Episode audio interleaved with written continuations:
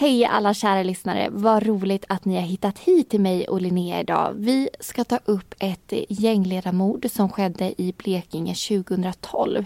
Men innan vi går in på det så vill vi presentera vår partner kidsbrandstore.se och vad de har att erbjuda. Mm. Och det är märkeskläder och det är kvalitetskläder till barn och ungdomar. Men både du och jag har ju faktiskt handlat där även om vi inte passar in i den beskrivningen. Du har köpt en ryggsäck och jag har köpt en keps. Och en till som har handlat där det är faktiskt min farmor. Min farmor är ganska liten ska jag börja med att säga och hon har eh, svårt att hitta snygga kläder som sitter bra i butiker. Det är till och med så att hon får gå in på barnavdelningen ibland vilket såklart inte är så roligt för det är en hel del glitter, det kan vara tryck på tröjor, sånt som hon inte är så sugen på helt enkelt.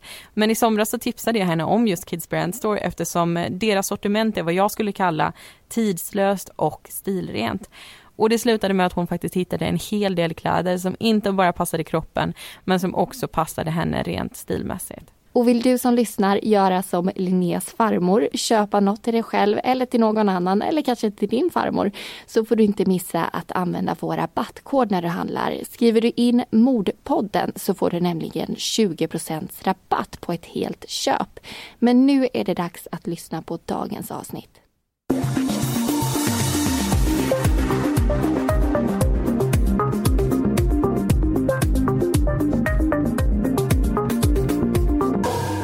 Den 13 mars 2012 ska en man delta i en huvudförhandling i Blekinge tingsrätt. Han står åtalad för bland annat olaga hot och övergrepp i rättssak. Men mannen dyker aldrig upp och rättegången får ställas in. Sex timmar senare hittas han död på en timmerväg i närheten av Bergamåla. Han har blivit skjuten med fem skott och polisen förstår direkt att det rör sig om en avrättning. Mannen var ledare i en lokal mc-klubb och bara två och en halv mil därifrån finns en rivaliserande klubb. En klubb som är känd för att göra Hells Angels grovjobb och som inte uppskattar konkurrens.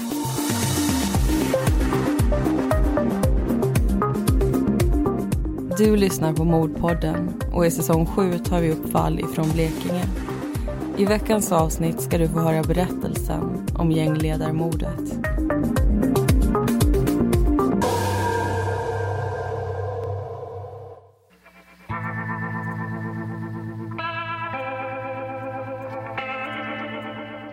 Under 80-talet drivs en klubb med namnet Dirty Dregels i samhället Djurslöv utanför Malmö. Medlemmarna är motorintresserade grabbar och deras fordon raggarbilar. De har ett rykte för att vara råa och hänsynslösa. De sägs bland annat vara involverade i flera misshandelsfall och kriminella uppgörelser med andra gäng. En av medlemmarna heter Kenneth och är i 20-årsåldern. Han är en av originalmedlemmarna i klubben och hans jobb är att sköta skjutandet när det uppstår konflikter. Han är tidvis beväpnad med en AK4 och i slutet av 80-talet är han misstänkt för uppemot nio olika mordförsök. Men han kommer inte dömas för något av dem. Vid ett flertal tillfällen beger sig medlemmar ur Dirty Dreggles till Köpenhamn. De är där för att träffa medlemmar ur mc-klubben Hells Angels. Hells Angels är en enprocentsklubb. En distinktion som urskiljer de kriminella motorcyklisterna från de övriga 99 procenten som anses laglydiga. Hells Angels drog igång efter andra världskriget i San Bernardino, Kalifornien. Sedan dess har de expanderat rejält. Men de finns ännu inte i Sverige. Något som Dirty Dreggles gärna hjälper dem åtgärda. Medlemmarna ur raggarklubben är intresserade av att byta ut sina bilar mot Harley Davidsons. I slutet av 80-talet får Kenneth reda på att han ska bli pappa. Det är hans och den två år yngre flickvännen Jeanettes första barn. I och med graviditeten så sätter Jeanette ner foten. Om Kenneth vill ha en familj så måste han gå ur Dirty Dregels. Kenneth väljer Jeanette och deras barn och lämnar klubben 1989. I mars året därpå blir Dirty Dreggles Hangaround Chapter och den 27 februari 1993 den första officiella Hells Angels-klubben i Sverige. Med åren etablerar sig fler kriminella mc-klubbar i Sverige och de som redan har fått fäste sprider ut sig. De två största är Hells Angels och Bandidos och de mindre klubbarna är många gånger lojala till antingen den ena eller andra. 1994 bryter det stora nordiska mc-kriget ut mellan jättarna. En strid som varar i tre år och slutar med 11 döda och 96 skadade. Situationen är inte hållbar för någon av dem och i september 1997 sluter de fred. Ingen av dem sugen på en ny våldsam konflikt. 2001 kommer en tredje spelare in på marknaden. Outlaws MC, en av de äldsta enprocentsklubbarna. Till en början är deras närvaro okännbar men i takt med att de växer börjar också konflikterna med andra klubbar. Sommaren 2007 ryker anhängare till Outlaws och Bandidos ihop på en mc-träff i Norrtälje. Tre från Outlaws blir knivskurna och två hävs ner i en kanal. I september ger de sig på några Hells Angels i Helsingborg. Det slutar med en sjukhusvistelse för en av Outlaws-anhängarna. En annan klubb de kommit i luven med är Red and White Crew en undergruppering till Hells Angels som under året genomfört flera attacker mot nykomlingarna. Ett tydligt budskap att de inte är välkomna här. Striderna kulminerar den 8 september när en bomb exploderar i Outlaws klubbhus i Åtvidaberg. Två veckor senare avvecklar Outlaws sin verksamhet i Sverige. Men det dröjer inte länge innan mc-klubben på nytt försöker komma in på den svenska marknaden. 2010 är den numera 47-åriga Kenneth bosatt i Ronneby. Han är fortfarande tillsammans med Jeanette och de har numera fyra barn tillsammans. Två flickor och två pojkar. Jeanette arbetar i sjukvården och Kenneth som rörmokare. Men Kenneth har också börjat gå tillbaka till sina gamla vanor. Han håller nämligen på att bygga upp den första outlaws-klubben i Blekinge. Outlaws nya satsning i Sverige sker under radarn. De vill inte göra något väsen av sig i första taget. Men med tiden så ändras det och flera attacker äger rum mellan outlaws och andra klubbar. En av de största motståndarna är fortfarande Red and White Crew. Hösten 2011 attackerar undergruppen till Hells Angels några outlaws-anhängare på en krog i Stockholm. Tre får allvarliga skador en livshotande. Men det är inte bara i huvudstaden meningsskiljaktigheterna märks av. Även i Ronneby börjar planer att smidas. Outlaws är nämligen inte det enda mc-gänget i området. Bara två och en halv mil därifrån har Red and White Crew en klubblokal i Tving. Tisdagen den 13 mars 2012 ska Kenneth delta i en huvudförhandling i Blekinge tingsrätt. Han står åtalad för bland annat olaga hot och övergrepp i rättssak. Men när rättegången ska dra igång är Kenneth fortfarande inte där. Och han kommer heller inte trots att de väntar. Rättegången ställs in. Sex timmar senare larmas räddningstjänst och polis till en timmerväg i närheten av Berga Måla.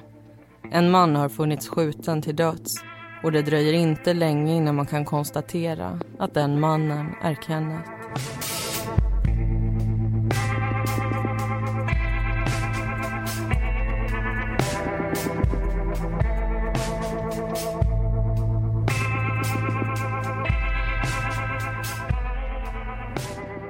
Då har det blivit dags för den första diskussionen och vi hoppas att ni tog er igenom den första berättelsen utan problem. Det var ju en hel del fakta där i och ganska mycket att hålla reda på och sådär. Och du Linnea har ju gjort researchen till just det här avsnittet och du kan väl förklara varför?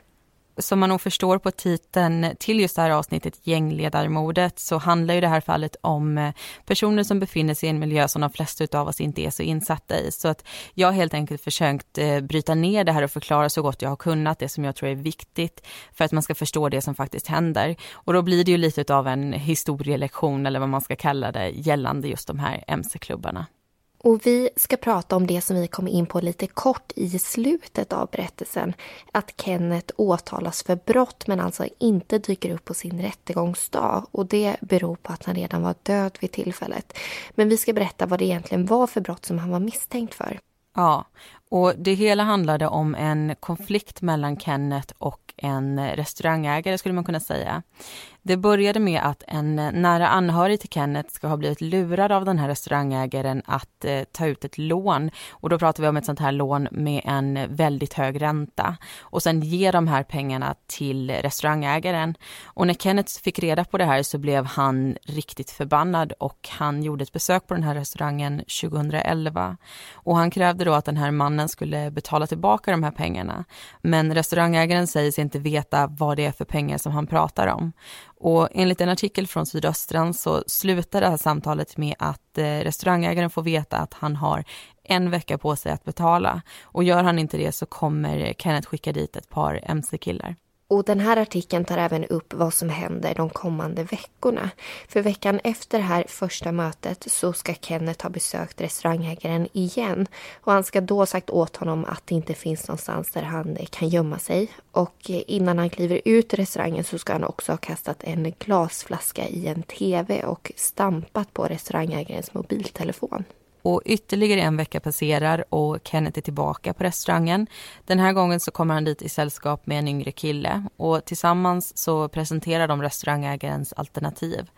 1. Han fixar fram pengarna samma dag och han betalar av skulden. 2. Imorgon när han går till jobbet så finns det ingen restaurang att gå till. Och efteråt så ska de också ha plockat på sig åtta flaskor med whisky och konjak.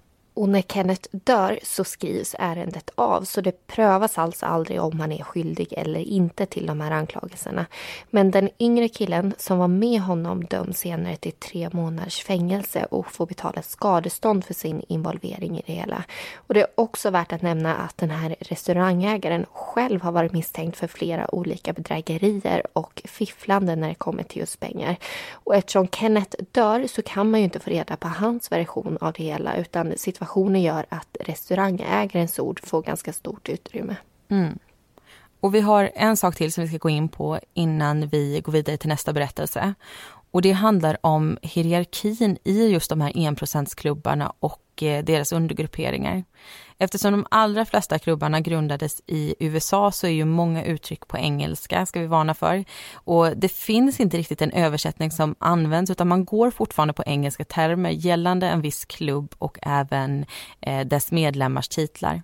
Och de här termerna som vi kommer ta upp, de ser lite olika ut beroende på klubb och så vidare. Så det vi lägger fram det är en generell bild och det får ni gärna ha i åtanke. Och vi kanske ska börja med klubbarna och eh, deras olika titlar. Mm. Och jag tänker faktiskt att vi utgår ifrån Dirty Dreggles som vi berättade om i början, alltså den här eh, raggarklubben som blev Hells Angels första avdelning i Sverige. Eh, men innan de blev det så startade de nog som supportergäng. Och när man har varit det ett tag så kan man bli supporterklubb. Och båda de här stegen de sker förmodligen under 80-talet. Och jag säger förmodligen för att den här modellen den är hämtad ifrån amerikanska mc-klubbar och jag har faktiskt inte hittat någon information om just de stegen gällande just Dirty Dreggles. Men 1990 så vet vi att de blir hangaround chapter till Hells Angels och eh, redan året därpå så avancerar de till Prospect Chapter. Klubben byter då också namn till MC Sweden och i två år så har de den rollen och den titeln för att eh, slutligen bli ett eget chapter, det vill säga en egen avdelning i Hells Angels-klubben. Och om vi då hoppar över till den andra processen, det vill säga hur man som individ blir medlem i en sån här enprocentsklubb. Det är en ganska lång process man går igenom som faktiskt kan ta flera år. Och i den här processen så handlar det inte bara om att vara där utan man måste också göra saker för klubben och bevisa sin duglighet innan man kan gå vidare till nästa steg. Och man börjar som något som kallas för hangaround och förblir det under minst ett år. Och då hjälper man till med det som behövs. Man passar upp på de andra i klubben. Men i det här skedet så får man inte lov att bära väst. Nej. Det får man ju däremot i nästa steg då man blir prospect. Därefter så har eh, Bandidos ett extra steg som Hells Angels saknar och det är probationary. Och de här rollerna de håller man i minst ett år innan man till slut kan eh, klassa sig som en fullvärdig medlem. Och då har man rätt att delta i klubbens möten och också ha en röst i de ärenden som det ska beslutas om. Och vi kan lägga till att det finns fler positioner i en klubb än så. President och vicepresident och så vidare. Men vi går inte in mer på det idag. Däremot så ska vi säga att Kennets roll i Outlaws var president för Outlaws Sydöst. Och nu tänker jag att vi släpper den här diskussionen och fokuserar på den utredning som drar igång efter att Kennets kropp hittats.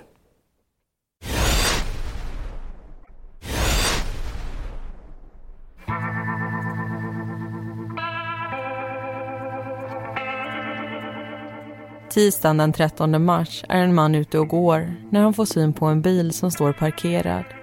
Den står ett par hundra meter in på en timmerväg och han känner inte igen den. Nyfikenheten tar över och han bestämmer sig för att gå dit och titta. När han kommer närmare gör han en ohygglig upptäckt. På marken intill bilen ligger en död man. Backen under honom är färgad röd och mannen vänder på klacken och styr stegen hemåt. Han är uppriven av det han sett och pratar med sin fru när han kommer innanför dörren. Frun i sin tur ringer SOS. En stund senare anländer räddningstjänsten. De inser snabbt att det inte finns något de kan göra och inväntar polis. Snart kan man konstatera att mannen varit död i ett antal timmar och det råder inga tvivel om att han har blivit mördad. Han har träffats av flera skott, varav vissa i huvudet. Hans ansikte är vänt ner mot marken och ingenting runt omkring tyder på en strid. När man vänder kroppen om ser man hur han har en mobiltelefon i sin vänstra hand.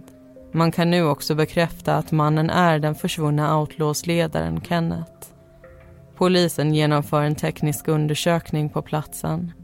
Efter att ha finkammat den tror man sig veta ett par saker. Det första är att mordet är en avrättning Ingenting talar för att det är ett hastigt, känslomässigt eller ogenomtänkt dåd. Och fynden från den rättsmedicinska undersökningen stödjer den teorin. Man får därigenom också reda på att Kenneth har träffats av fem skott varav fyra varit direkt dödande. Han har ett ingångshål i magen, ett i vänstra axeln och tre i huvudet. Då man fastställt Kennets identitet vet man också vart man ska leta efter hans gärningsman. Kennets koppling till Outlaws och mordets utförande borde rimligen höra ihop. Polisen pratar med Kennets anhöriga och de i hans bekantskapskrets. Man tar sig också en närmare titt på Kennets mobiltelefon. Efter att ha gått igenom sms och samtalshistorik får man upp ögonen för en man som heter Anders. De senaste veckorna har männen hörts minst en gång om dagen. Antingen genom sms eller i samtal. Jeanette berättar att Anders är en av Kennets vänner.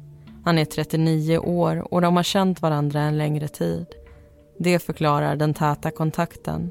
Men det som polisen intresserar sig mest för är det sista smset som Kenneth tagit emot. Det är tidsstämplat den 12 mars klockan 21.45. Samma dag som Kenneth försvinner. Anders är avsändare och han skriver i smset att de ska ses om en kvart. Genom ett annat vittne får polisen reda på tidpunkten då Kenneth troligen dog.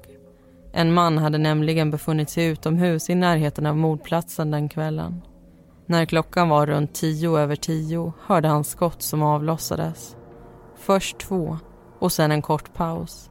Därefter hördes ytterligare två, tre smällar Mannen la händelsen på minnet eftersom han tyckte att det var udda att höra skott så sent på kvällen då det inte var säsong för jakt.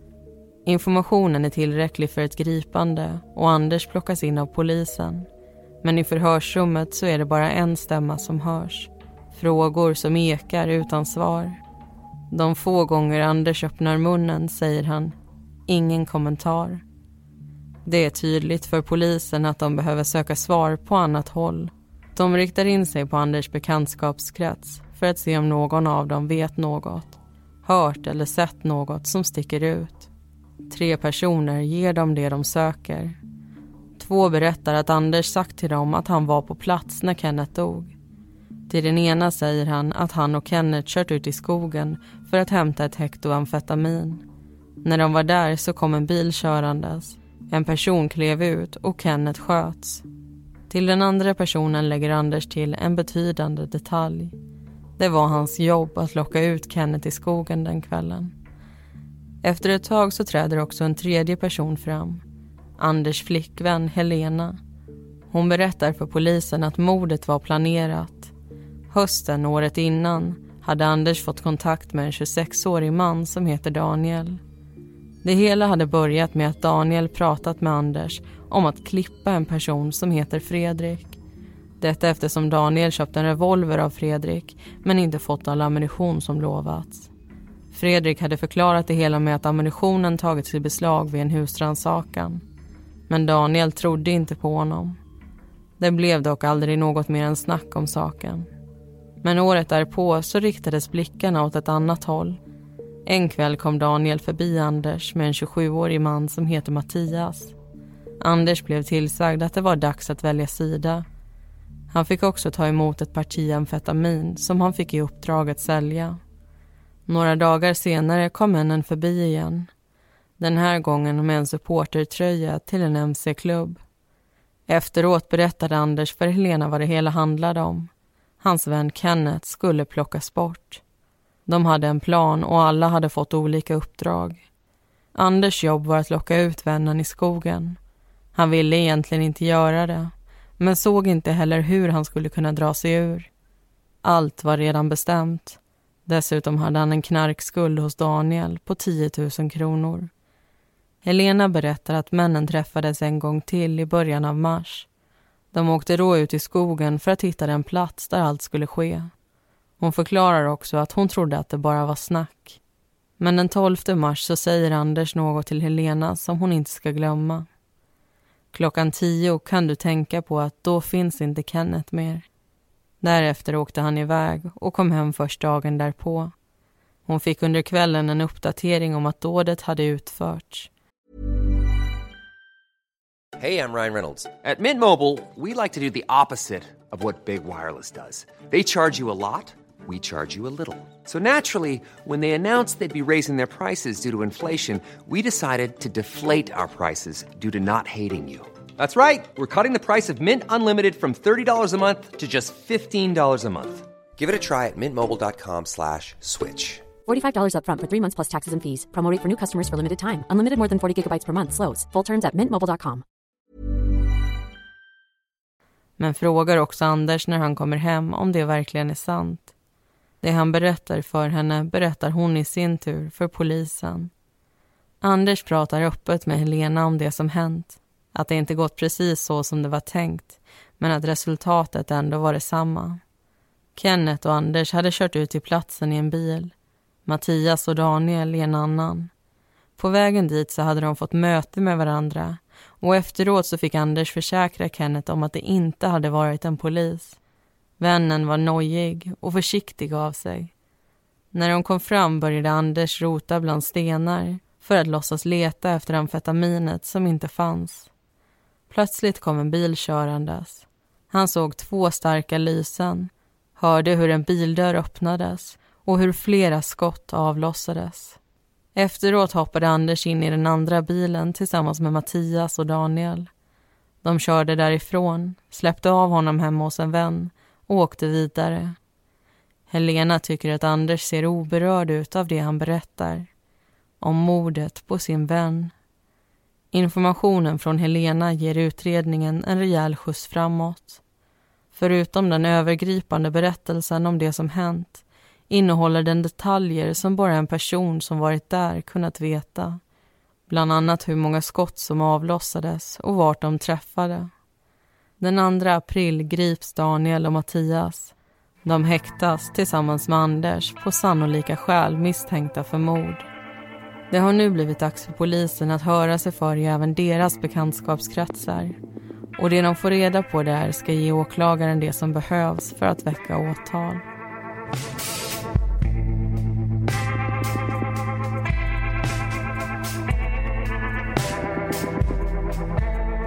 Du lyssnar på Mordpodden och i säsong 7 tar vi upp fall ifrån Blekinge. I veckans avsnitt ska du få höra berättelsen om gängledarmordet.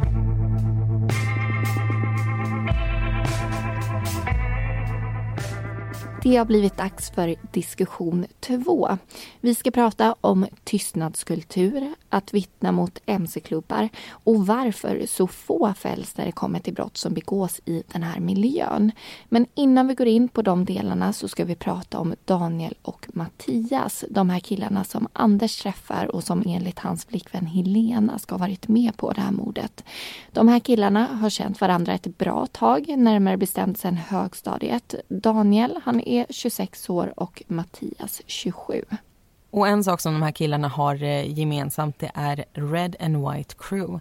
Den här undergrupperingen till Hells Angels som vi har pratat om tidigare. Daniel han är fullvärdig medlem i klubben i Tving som alltså ligger två och en halv mil utanför Ronneby.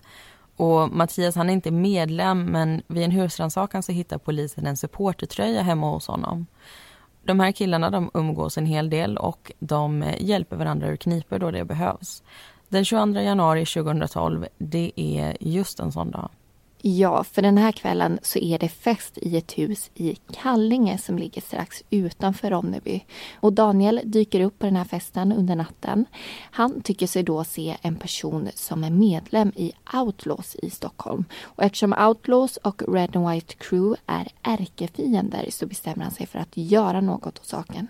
Och hemma hos Mattias så ringer ju telefonen för fullt. Han har 10 till 15 missade samtal när han vaknar någon gång mellan 4 och 6 på morgonen. Han hör Daniels röst och får veta att eh, det kan bli bråk i Kallinge och att han måste komma och hämta honom. Mattias han klär på sig, han sätter sig i bilen och eh, när han kommer fram till det här huset i Kallinge så möter han upp med Daniel som inte längre vill åka därifrån. Han ställer sig då och röker Mattias och efter en stund så hörs skrik inifrån huset och han springer dit. Och när han kommer in så står Daniel i köket med en golfklubba i handen. Han har då varit uppe på ovanvåningen, sökt upp den där mannen som han trodde var med i Outlaws och svingat en golfklubba i hans ansikte när han låg och sov. Ögonbrynet det är spräckt och det rinner blod i ansiktet på den här mannen. Och Mattias sliter ut Daniel till bilen och de kör därifrån. Under bilfärden så är Daniel uppe i varv. Han är dessutom ganska full och han vill tillbaka till festen. Men Mattias han säger nej och han fortsätter köra. Och till slut så tar Daniel fram en kniv och kör in i instrumentbrädan. Och den här mannen som misshandlas får ordentliga skador som måste opereras och han får får bestående men efter den här händelsen i form av ärr och en grav synnedsättning. Och slutversen på det hela det är ju att den här mannen som blev eh, misshandlad, han var inte medlem i Outlaws i Stockholm. För Daniel han hade helt enkelt sett fel. Och när vi ändå är inne på det här med brott så tycker jag att vi smyger in på varför det är så svårt att döma personer som är involverade i såna här mc-klubbar eller annan eh, gängkriminalitet. Och en del av det svaret skulle jag vilja säga det är tystnadskulturen. Man pratar inte med andra om det som sker inom gruppen och man pratar heller inte med poliser. Och det spelar ingen roll om man har utsatt någon för brott eller om man själv har blivit utsatt. Man håller tyst. Och det handlar ju om att de här grupperna de har valt bort den rättvisa som eh, polisen och som vårt rättssystem i, i, vårt samhälle ska stå för. Och istället så har de byggt upp ett eget system med egna regler och lagar. Och det säger ju sig självt faktiskt att det blir svårt att reda ut brott när ingen eh, vill förklara en endaste detalj. Vittnesmål generellt sett spelar ofta en stor roll i fall som faktiskt reds ut. Och teknisk bevisning är ju självklart också viktig. Men som indiciefall kan bevisa så kan man fällas genom vittnesmål och omständigheter som saknar teknisk bevisning. Men om man vänder på det och att då bara fällas på teknisk bevisning när det inte finns några vittnesmål, det är svårare. Och då pratar vi inte om att gärningspersonen inte vill säga något, utan vi pratar om att alla runt omkring håller tyst. Grannar, bekanta som hört något eller sett något och så vidare. Mm. Och anledningen till att just den sortens vittne är så få i de här fallen, det beror ju på att de ofta är eh, rädda. Och antingen så är de rädda för en viss klubb och deras rykte eller så är de rädda för specifika personer som har framfört hot. Och det känns ju ganska självklart för mig att man som privatperson inte vill utsätta sig för den risken när man inte är personligt drabbad. Samtidigt så förstår jag ju polis och åklagares frustration kring det här då det kan göra att ett fall går från att sannolikt fälla till att sannolikt fria. Och jag läste faktiskt en artikel från eh, Expressen om just det här ämnet och där i så uttalar sig en eh, kriminalkommissarie som också är utredningsledare. Och han säger att den här rädslan som många känner, den är faktiskt oftast inte befogad utan det man tror ska hända, det händer alltså inte trots att man har vittnat. Och just det här med rädsla som får folk att dra sig ur, det är något som vi kommer höra om när vi går in i den sista berättelsen. Men först så ska vi runda av den här diskussionen genom att ta upp den sista delen i svårigheten med att få folk i den här miljön fällda. Och det handlar om tillvägagångssättet. För är man med i ett kriminellt gäng så har man ofta lättare att få tag i skjutvapen. Och när du inte behöver döda på nära håll så blir också riskerna att DNA lämnas kvar mindre mindre. Alltså ytterligare en sak som försvårar polisens arbete. Och med det så tycker jag att vi lutar oss tillbaka och lyssnar på den sista delen.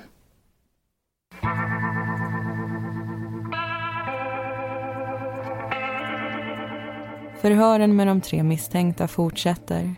Trots Helenas vittnesmål har Anders inget att erkänna. Det enda han berättar är att han missbrukar narkotika och ibland har svårt att skilja på verklighet och fantasi. Han vet inget om mordet på vännen Kenneth och han är inte medlem i någon mc-klubb. Precis som hemma hos Mattias så hittar dock polisen en supportertröja i hans bostad. Även Daniel är fåordig och har inget med mordet att göra. Han kände inte Kenneth men vet att 49-åringen haft ovänner utifrån och inifrån den egna klubben. Daniel erkänner dock att han är medlem i Red and White Crew, något han är stolt över. Under morddagen var han hemma och sjuk. När polisen sätter sig ner med Mattias så låter det annorlunda. 27-åringen berättar att allt började när Outlaws kom till Ronneby. Daniel blev förbannad på den rivaliserande klubben och särskilt på dess ledare Kenneth. I sällskap med Mattias och Anders så började han smida planer för hur de tillsammans skulle göra sig av med Outlaws-ledaren. Högg de huvudet av ormen så kunde de tvinga bort Outlaws från Blekinge. Ett område de inte hade rätt till. Lyckades de skulle Daniel stiga i graderna i sin egen klubb. Det Mattias berättar passar väl in i Helenas vittnesmål. Även hon tar upp att mordet skulle ge Daniel status och att han sagt till de andra två att när han blev chef så skulle de alla vara en del i klubben. Mattias tar också upp planeringen inför mordet. Han berättar för polisen att en av de tidiga planerna var att spränga Kennets bil. Men Mattias lyckades avstyra den. Sprängde man bilen så kunde Kennets barn komma till skada. Sommaren 2011 köpte Daniel en revolver det var en Smith Wesson och det var Mattias som hade tipsat honom om säljaren. Visserligen hade Daniel inte fått all ammunition som lovats men det han hade skulle räcka för att göra sig av med Kenneth. I början av 2012 diskuterade de tre männen den nya planen. Kenneth skulle skjutas, men frågan var var. I februari åkte de tillsammans ut för att undersöka möjligheterna. De stannade vid en timmerväg i närheten av Bergamåla. När de åkte därifrån så var både tillvägagångssätt och plats utvalt.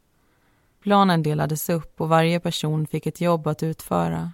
Anders skulle locka ut Kenneth i skogen. Han var den enda som kände honom tillräckligt väl för att lyckas. Mattias skulle agera chaufför och Daniel skjuta Kenneth.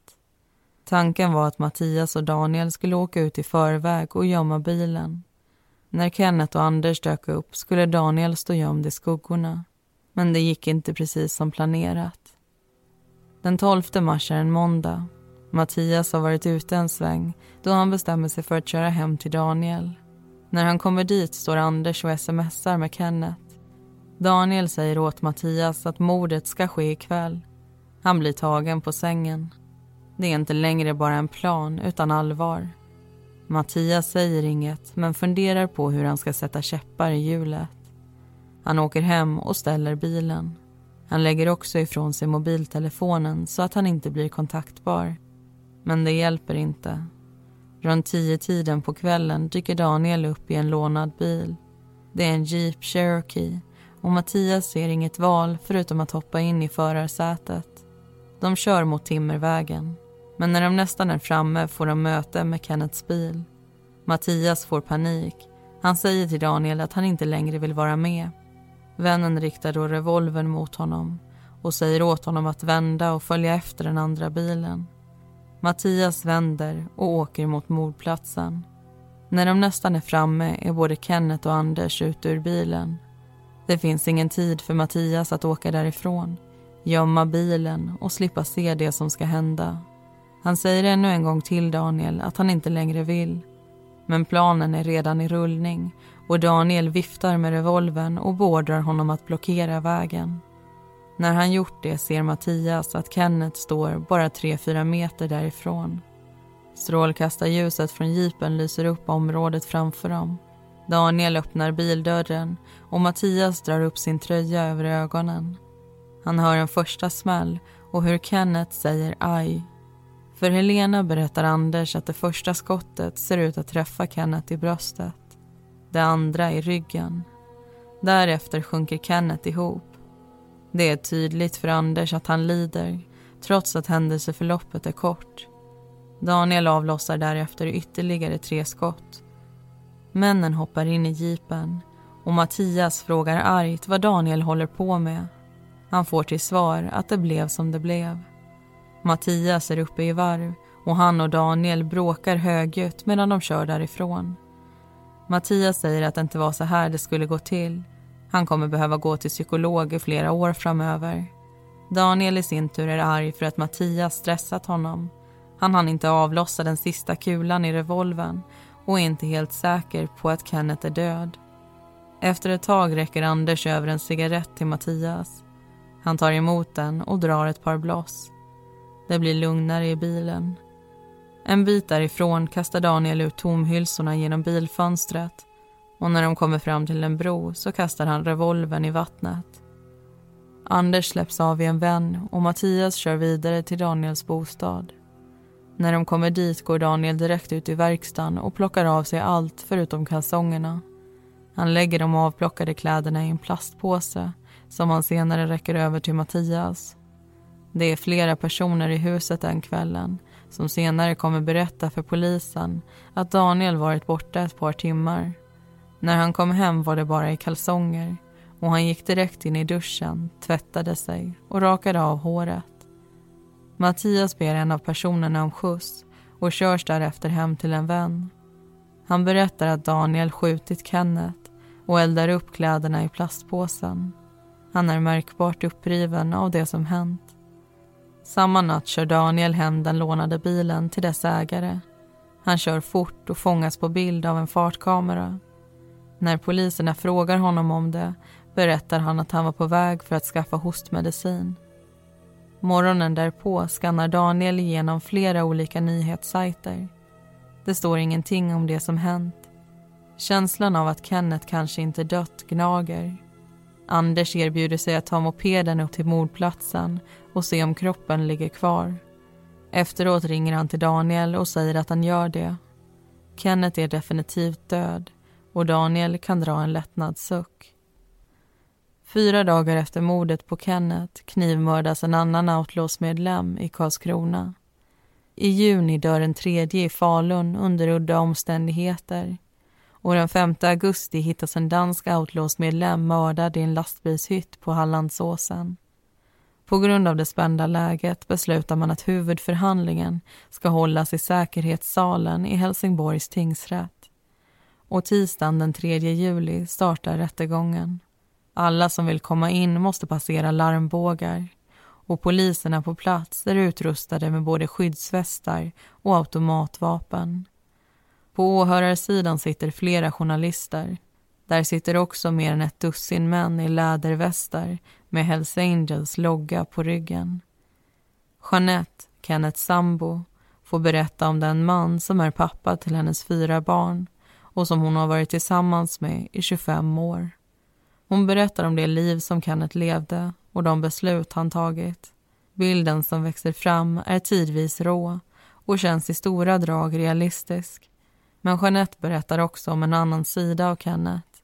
Att han älskade henne och deras barn och alltid ställde upp när de behövde honom. På många sätt så var de en helt normal familj. De åtalade får berätta sin version av det som hänt. Även vittnen till olika händelser kallas in för att styrka eller underminera det som sägs. De två personerna som Anders erkänt mordet för kallas fram. Men plötsligt har ingen av dem något att säga. De är utan tvekan rädda för vilka konsekvenser det kan få och huvudförhandlingen får gå vidare utan dem. När det är Helenas tur att prata om expojkvännen Anders och det som hänt så vägrar hon. Trots ett vite på 2000 kronor så fortsätter hon att vägra och man tar ett ovanligt beslut och häktar henne.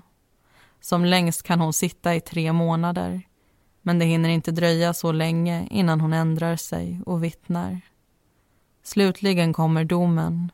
Daniel döms till 18 års fängelse för mord och en rad andra brott, bland annat misshandeln i Kallinge. Även Anders döms för mord och flera andra saker och får 16 års fängelse. Tingsrätten har lagt stort förtroende på de uppgifter som Mattias lämnat. De vet att han vid flera tillfällen försökt avstyra dådet men menar samtidigt att han borde ha gjort mer tidigare. Mattias döms därför till tio års fängelse för medhjälp till mord. En påföljd som i hovrätten kommer ökas till 13 år.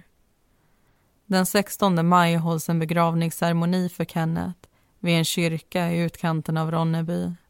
Flera av deltagarna är medlemmar i Outlaws och har kommit från hela Europa för att visa respekt och säga farväl till en av sina egna. De är klädda i svart, men inte kostym och slips utan de traditionella mc-västarna som pryds med Outlaws logga och namn på ryggen. Polisen är närvarande och de är inte ensamma. I området kring kyrkan befinner sig närmare hundra medlemmar från Hells Angels och deras undergrupperingar. Polisen är barriären mellan gängen och vad som kan bli en blodig uppgörelse. Vid ett tillfälle får de avvisa flera ur Hells Angels som har kommit för att störa ceremonin. Trots oroligheterna är tillställningen lugn och skötsam. Efteråt sätter sig gästerna på sina motorcyklar och i sina bilar. De är på väg till minnesstunden som hålls på en gård ungefär tio minuter därifrån. Polisen är återigen på plats och den här gången hettar det till. Ett slagsmål bryter ut mellan några medlemmar i Outlaws. Fyra personer körs till sjukhus, tre med lindrigare skador och en med knivskador i bröst, lår och hand. Fem personer grips och i samband med det avlossas ett varningsskott då en polis tror sig se att en av dem sträcker sig efter ett vapen. Ingen kommer till skada. Tystnadskulturen i mc-gängen gör sig varse då förhör ska hållas med de inblandade. Varken misstänkta eller utsatta säger något och utredningen får senare läggas ner. Några månader efter att domen fallit är outlaws i princip bortrensade från Blekinge. MC-klubben i Tving tar ett steg uppåt i hierarkin. Precis som Dirty Dregels gjorde för 20 år sedan byter de namn och blir MC Sweden. De är därmed direkt underordnade Hells Angels.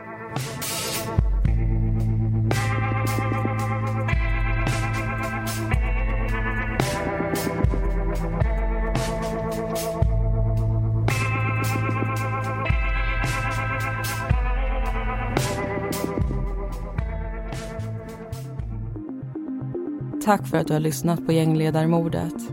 Alla heter egentligen någonting annat och informationen är hämtad ifrån domarna i fallet och artiklar från Aftonbladet, Expressen och Helsingborgs Dagblad. Nästa vecka berättar vi om dödsskjutningen. Var med oss då.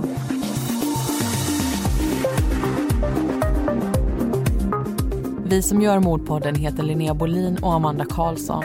Bakgrundsmusiken består av låtarna Lasting Hope, Lightless Dawn och Soaring av Kevin MacLeod samt Deep Space av Audionautics.